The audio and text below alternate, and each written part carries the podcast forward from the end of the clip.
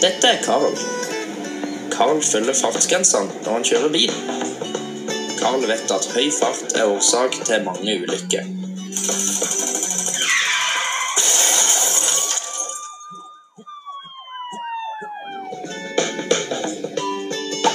Carl er smart. Gjør som Carl.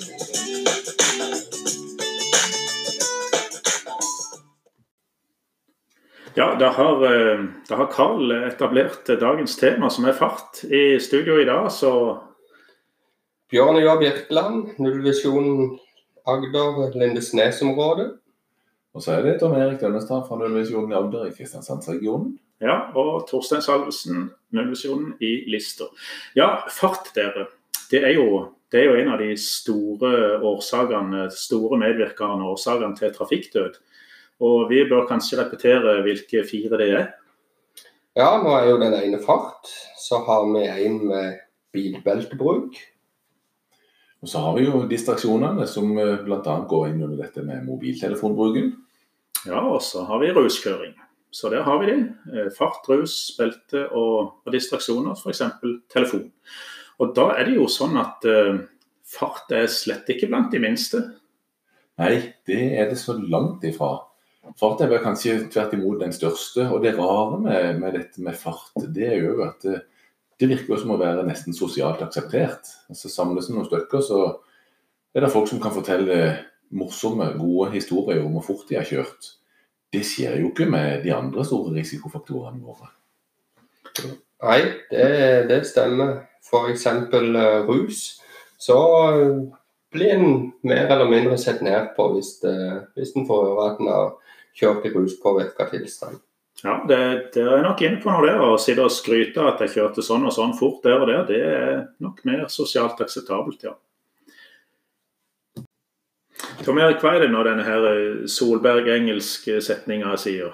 Ja, Han er jo anklaga for mye, men han skal jo ha sagt dette her med 'It's not a fart that kills, it's a, it's a smell'. Ja, smell. Hvis vi, hvis, hvis vi tar det litt på norsk, og det, det er snakk om en smell her, så er det jo litt i dette her. Ja, visst er det det. Og det er klart, Jo høyere hastighet du har, jo mer krefter utsettes du for når det går galt. Ikke hvis, men når det går galt. Ja, hvis du f.eks. øker farten fra 60 til 70 med, i fartsgrensen, altså i ei 60-sone, så, så dobler en risikoen for at noen mister livet i ei eventuell ulykke. Mm. 80-sone øker til, til 94, så har du dobla risikoen for at det går helt galt. Mm. Men det som kanskje er mest rart oppi dette, her, det er jo den muligheten vi har for å unngå ulykker. Altså, hadde du holdt fartsgrensa, så hadde det ikke skjedd noe, noe ulykke i det hele tatt. Men så går du opp litt i fart, og så skjer det ulykker der. Og Torstein, Hvordan er det disse tallene på dette her? Ja, Tenker du på uh, hva vi tåler? Ja, litt hva vi tåler, og, og, og vi kan komme tilbake til senere og snakke litt i forhold til hvor stor hastighet har du hvis du har uh, kjørt på litt ekstra når du smeller, der du hadde klart å stoppe og ikke forårsaka en ulykke hvis du hadde holdt fartsgrensa. Ja, vi, vi, har jo et, et, greit eksempel der du kjører i 80, og så, så får du akkurat stoppa. Men øker du til 90, så, så får du slett ikke stoppa. Da, da, treffer du den hindringa i hele 50 km i timen. Og vi kunne kanskje ha, sett en film. Det er jo litt kult å, å, kunne, å kunne, vise film på en podkast. Det er det jo ikke mange som gjør. Skulle vi, ha, skal vi ha kjørt denne filmen som vi ofte gjør på, på foredrag og undervisningsvirksomhet? Ja, det syns jeg. Snurrefilm. Det er gøy med film på radio. Hender det at du kjører litt over fartsgrensen? Det du klarer å stoppe for i 80 km i timen, vil du treffe med en fart på hele 50 hvis du i stedet kjører i 90 km i timen. Litt fortere er mye farligere. Mø, mø, ja, det var ei ku.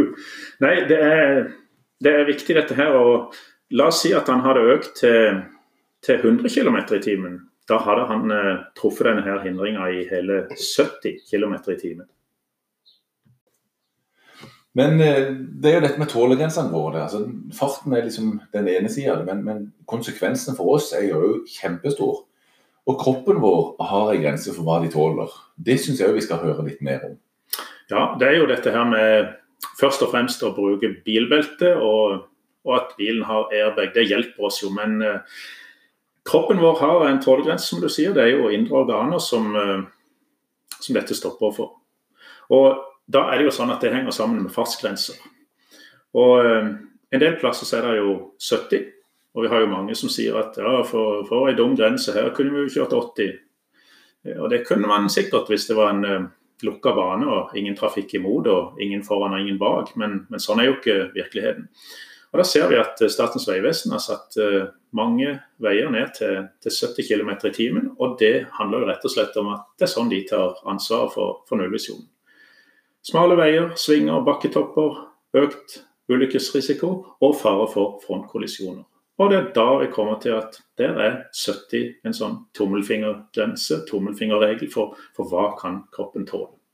Men Bjørn Ivar, det er jo 50-grense mange steder òg? Det er 50-grense veldig mange steder, egentlig. Og, og, det er rett og slett pga. at uh, i en sidekollisjon, altså dersom du blir påkjørt fra sida, så tåler kroppen normalt mindre enn med en frontkollisjon. Og da, da er eh, grensa ca. rundt 50 km i timen at, eh, at, kroppen vår tåler.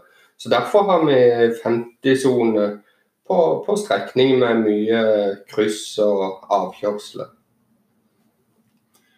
Og Det er jo ting som vi, vi ser at uh, kroppen vår er jo veldig utsatt. og sånn Rent fysiologisk så er kroppen jo lavt sånn at uh, i en sidekollisjon så tåler vi jo mye mindre i en frontkollisjon. I tillegg så er jo bilen utforma sånn at vi er bedre beskytta med en frontkollisjon enn en sidekollisjon. Så det er mange ting som spiller inn her. Men, men Bjørn Ivar, så ser jeg jo i eh, de aller fleste boligområder så er grensa 30. I boligområdene så er grensa 30, ja. Og det er jo rett og slett pga. at i boligområdet så har vi myke trafikanter. Veldig mange fotgjengere, det er kanskje barn som uh, krysser veien. Og vi, vi, sier det at uh, ja, all statistikk viser at opptil 30 km i timen så, så har, eh, da tåler kroppen normalt. altså Sannsynligheten for at den overlever en påkjørsel er veldig stor, opptil 30 km i timen. Vi regner at det er 90-95% sjanse for at den da overlever en påkjørsel. Dersom man øker hastigheten til 50 km i timen, så er plutselig alt snudd helt på hodet. Da er dødsrisikoen over 80% med en påkjørsel. Så, så, derfor er det veldig, veldig viktig med, med 30-soner i boligområdet. Og Da får jeg lyst til å stille spørsmålet litt ut i lufta. Kjenner du selv noen som har kjørt i 50 i 30-sonene? Så tenker jeg Spørsmålet og svaret kan få lov å henge der, men tenk litt over det. Kjenner du noen som har kjørt 50 i en 30-sone? Og når vi Bjørn Ivar har fortalt hvor stor konsekvens det har, hmm, ja, interessant eh, spørsmål. Det der tar vi riktig. La vi henge i lufta, som du sier. Eh, men Bjørn Ivar, jeg var så vidt inne på dette med, med kollisjoner og hva kroppen tåler. Skulle vi ha gjentatt det litt greit? Ja, det er jo sånn at uh, en kollisjon, der, der, der, sier vi at én uh, kollisjon er ofte tre kollisjoner. For først så bråstopper jo bilen når en krasjer. Deretter så, så bråstopper jo kroppen vår imot beltet. Og til slutt så har vi jo eh, noe som heter indre organer, og de er ikke spigra fast inni oss. Så de smeller jo da inn imot uh, skjelettet. Og hvis da farta er over 70 km i timen, så, så, er kreftene så store at de kan rives løs, og en får indre skade eller indre blødninger. Så, så, det handler rett og slett ikke om hva, hva beltet tåler, eller hvor uh, stor airbag du har? Nei, altså beltet det, det, tåler mer enn kroppen vår, for å si det sånn. Men, men Tom Erik, eh, i moderne biler så, så, kan jo ikke dette være så viktig vel med, med disse tålegrensene. Da, da fikser vel bilen dette for oss totalt? Ja, vi skulle jo tro det. og det er klart Vi, vi leser jo mye mer nå i forhold til kollisjonssikkerhet i moderne biler. Så Tidligere så var det hvor mye hester han hadde, og fort han gikk fra 0 til 100. Nå er det kollisjonssikkerhet og, og trygghet for passasjerene som betyr noe. Og Det er klart det er en enorm forskjell på en ny, moderne bil og en 10-15-20 år gammel bil i forhold til tryggheten for oss med passasjerer. Bilen beskytter oss mye bedre. Men allikevel så er dette, akkurat som Jørn Ivar har sagt, disse kreftene de virker på samme måten allikevel. Så selv om vi har en bil som opptar energien på en bedre måte og, og fordeler dette utover, så er det allikevel sånn at i én kollisjon så er det tre kollisjoner, og det går utover oss som passasjerer. Ja, eh, moderne biler, ja, Tom Erik. Det er, jo, eh, det er jo sånn at i en moderne bil så er det kanskje ikke så lett å merke om en kjører i 80 eller 90, for han er så behagelig. og Det kan jo være noen med moderne bil som syns det, det, er greit å speede på litt ekstra for å vinne litt tid. Ja, det med å vinne tid, det er jo eh, det er jo én ting. Nå er det sånn at eh, mange har noen følelsen at de vinner mye tid med å ligge f.eks. 10 km i timen over fartsgrensa. Går det mye fortere fram. Ja, det er jo det mange tror, og det er det mange føler. Men uh, realiteten er jo at det faktisk bare er snakk om sekunder i forskjell. Og da, da kan du jo spørre vedkommende hva brukte du de sekundene til som var så viktig? Ja, Nå kom du, nå kom du 24 sekunder fortere fram til hytta. Hva skal du, hva skal du bruke de til? Ikke sant? Ja. Men eh, så er det jo eh, noe som heter utrykningskjøretøy. og Da har en jo inntrykk av at eh, der gjelder det å kjøre så fort som mulig for å komme fortest mulig fram. Og eh, Der har jo begge to, Tom Erik og Bjørn Ivar, erfaring fra å kjøre, kjøre ambulanse på deltid. Ja, og, og, det er klart, eh, For alle som kjører utrykningskjøretøy, om det er brann eller politi eller ambulanse, så er jo det aller viktigste å komme helt fram. Det hjelper ikke å komme kjapt fram en del av veien.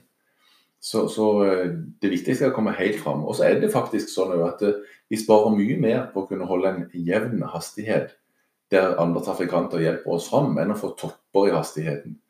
Da kommer vi både fortere på de trafikantene som vi tar igjen, og de som vi møter, og Det kan skape uoversiktlige situasjoner. Og I tillegg til det så blir det også en mindre komfortabel, mer røkkete kjøring. Ja, Da blir det sånn speed, brems, speed, brems hele tida. Helt riktig. og Det er jo verken behagelig for oss som sitter inne i utrykningskjøretøyet, eller de vi eventuelt måtte ha med oss. Og så er det også veldig mye vanskeligere for resten av trafikantene å forholde seg til. Så en, en jevn hastighet der andre trafikanter hjelper utrykningskjøretøyet fram, er absolutt det greieste vi kan ha. Og dette kan jo gjelde vanlige folk, la oss si det, som skal tur og tur hytta på fredag og søndag og, og, driver med forbikjøring og skal kjøre litt fortere for å komme fortere hjem eller fortere til hytta. Så tar de igjen en ny kø, og så må de bremse, og så må de kjøre forbi. Og så, så har du en rekke farlige situasjoner som er helt unødvendige. Ja, man øker jo risikoen med, med sånn kjøring, som Tom Erik òg nevnte med for utrykningskjøretøy. da, så så eh, med, med, å øke hastigheten enormt mye på, på visse deler av strekninga, for så må du bråbremse. Altså det er mye bedre med jevn flyt og ja. Og Det er jo sånn som du sier, Torstein, dette her med ta igjen ny kø og ny kø på vei til eller fra ferie eller hytte eller til og fra jobb, for den saks skyld. Det er jo en ting. Og så skal vi jo huske på at en sånn kjøring, røkkete, brems, sving, alt dette her, det gjør jo plutselig at de som eventuelt allerede syns det er litt ubehagelig å sitte i bilen, får en enda verre opplevelse med eventuelt bilsyke osv. Så, videre.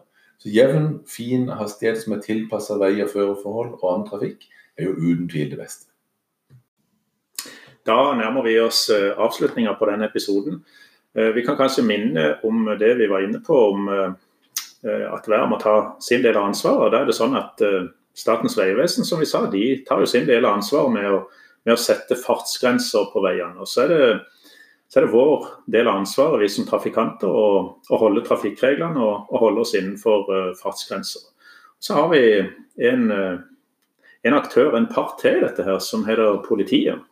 Ja, vi trenger jo av og til hjelp av sånn, noen og enhver av oss for å huske på hvordan vi skal oppføre oss. Og Da har vi kanskje spesielt UP som er ute i trafikken og hjelper oss å holde reglene. Og de eh, stopper oss opp hvis det er at vi har behov for å ha en korrigering.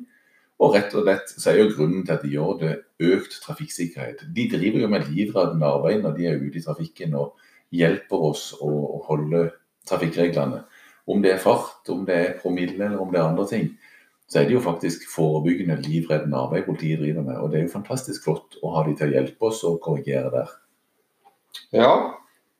Eh jeg tenker vi avslutter sånn helt, helt til sist med, med, noen tall. Altså, hvis alle fulgte fartsgrensene her i landet, så ville ca. 40 færre personer blitt drept i, i trafikken. Og ca. 100 færre blitt hardt skadd. Og eh, i, i, forhold til den totalstatistikken, så det er mye mennesker. Så vi kan trygt si at eh, fart det er, det er viktig med hensyn til trafikksikkerhet. Og 40 liv spart per år i dette her er jo mye. Tenk deg din bekjentskapskrets. Hvordan ville den vært hvis det var 40 som forsvant? Hvem var de 40? Hva det du ville unnvære i bekjentskapskretsen din? Jeg tror vi lar det spørsmålet også henge. Veldig bra. Da takker vi for i dag. Torstein Salvesen, nullvisjon i Lister. Bjørn Ivar Birkeland, nullvisjon i Lindesnes-området. Og til slutt Tom Erik Tønnestad, nullvisjon i Kristiansandsregionen.